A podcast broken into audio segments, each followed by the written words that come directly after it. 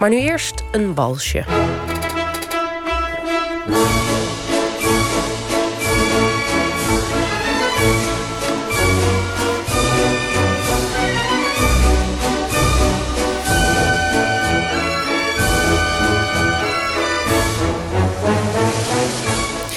Denk ruisende baljurken, blinkende kroontjes en strakke rokkostuums.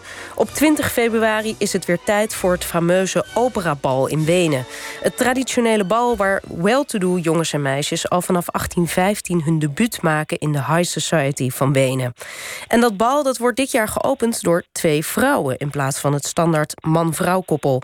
Aan de telefoon is historicus Anna Thijsseling. Goedemorgen. Goedemorgen. Ja, hoe revolutionair is dit? Nou, voor dit bal zo openlijk in elk geval best heel revolutionair. En, um, uh, en om gelijk maar even met de deur in huis te vallen... Hè, er wordt nu wel echt gedaan alsof dit bal al sinds 1815 ononderbroken uh, werd gehouden... en uh, er nu een soort van traditie op het spel wordt gezet. Dat is niet helemaal het juiste beeld hoor, voor, voor dit bal. Want wat is de geschiedenis van het bal? Kun je dat schetsen? Nou ja, het is een uh, bal dat, uh, dat wel moest gaan gebeuren op een goed moment. Uh, dus het, het, klopt, in de jaren 1820, 1830 werden dit soort bals wel gehouden. Maar nooit in die staatsopera zoals we hem nu kennen. Hè? Kleinere locaties. En op een gegeven moment was daar een keizer... en die heeft ook echt geprobeerd om dit bal uit zijn hofoper... wat later die staatsoper werd... om dat uit zijn hofoper te weren.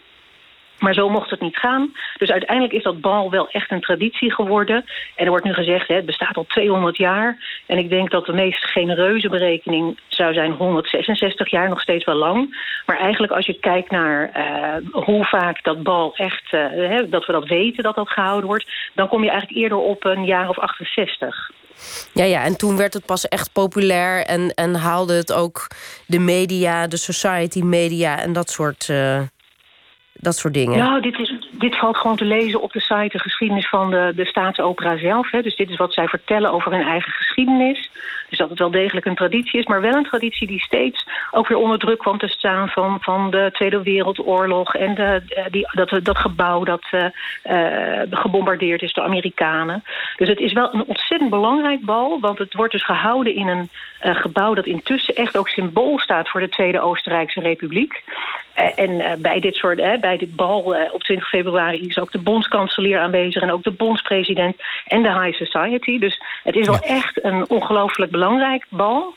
Maar zolang als uh, beweerd wordt dat het bestaat, dat is toch niet helemaal waar. Ja, het is een beetje allemaal waar, toch zo te horen. 1815 begonnen onder de keizers. Uh, onder het oude Habsburgse Oostenrijk. En je noemt de Tweede Republiek. Dan bedoel je natuurlijk het Oostenrijk van na de Tweede Wereldoorlog.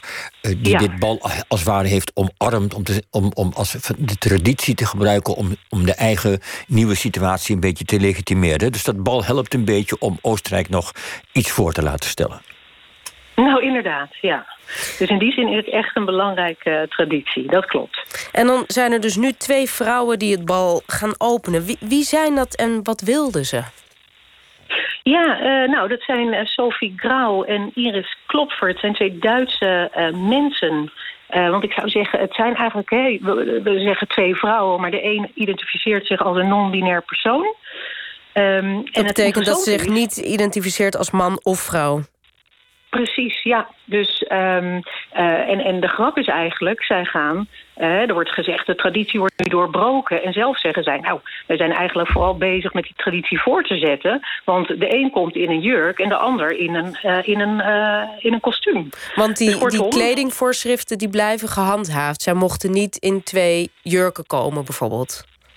Nee, nee. En uh, die Sophie Grauw die zou op zich ook helemaal niet in een jurk willen komen. Dus in die zin hè, uh, doet het haar geen geweld aan. Ja, maar ze kunnen natuurlijk wel zeggen dat ze lekker de traditie voortzetten... maar ze weten toch wel beter. Ze, ze snappen toch wel ja. dat, dat, het, dat omdat zij zijn wie ze zijn... dat dit een soort per ongeluk of niet per ongeluk een soort statement is. Dat snap, moeten ze toch wel snappen. Nee, zeker snappen ze dat. Uh, en ik, ik weet ook niet of zij hadden verwacht dat ze zouden worden toegelaten. He, zij, uh, zij hebben zich aangemeld omdat ze dat zagen. Ze houden van dansen en ook van walsen.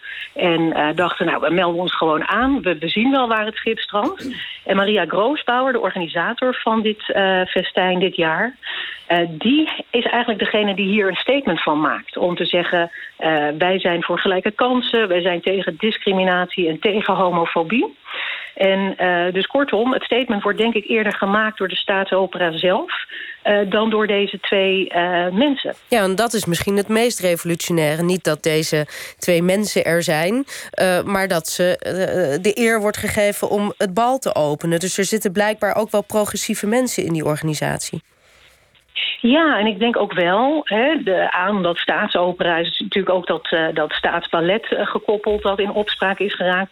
Dus misschien hadden ze ook wel het gevoel, we hebben ook een beetje goed nieuws nodig. Dus wij moeten uh, ook een hele mooie kant van dat staatsopera-gebouw gaan laten zien.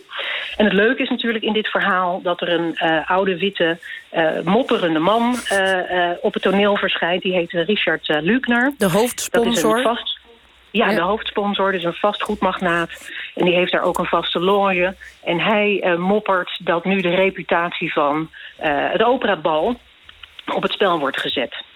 En, en heeft hij daar veel uh, medestanders in? Dat kon ik niet helemaal ontdekken. Ik uh, ontdekte vooral heel veel zeg maar positieve omarming van dit nieuws. dat het toch ook wel wordt gezien als... hey, hoe leuk, deze traditie beweegt toch ook wel mee met de tijd. En um, ja, weet je, wie gaat uh, de, de, dit bal meer, zou je ook kunnen afvragen. Want Richard Lukner die betaalt flinke sommen... om elk jaar weer een andere vrouw aan zijn arm te kunnen hebben daar.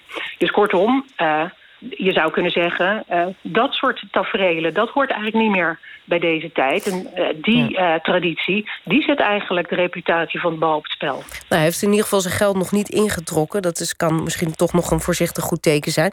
Kan dit nou een doorbraak worden? Dus dat er volgend jaar bijvoorbeeld ook twee mannen het bal gaan openen?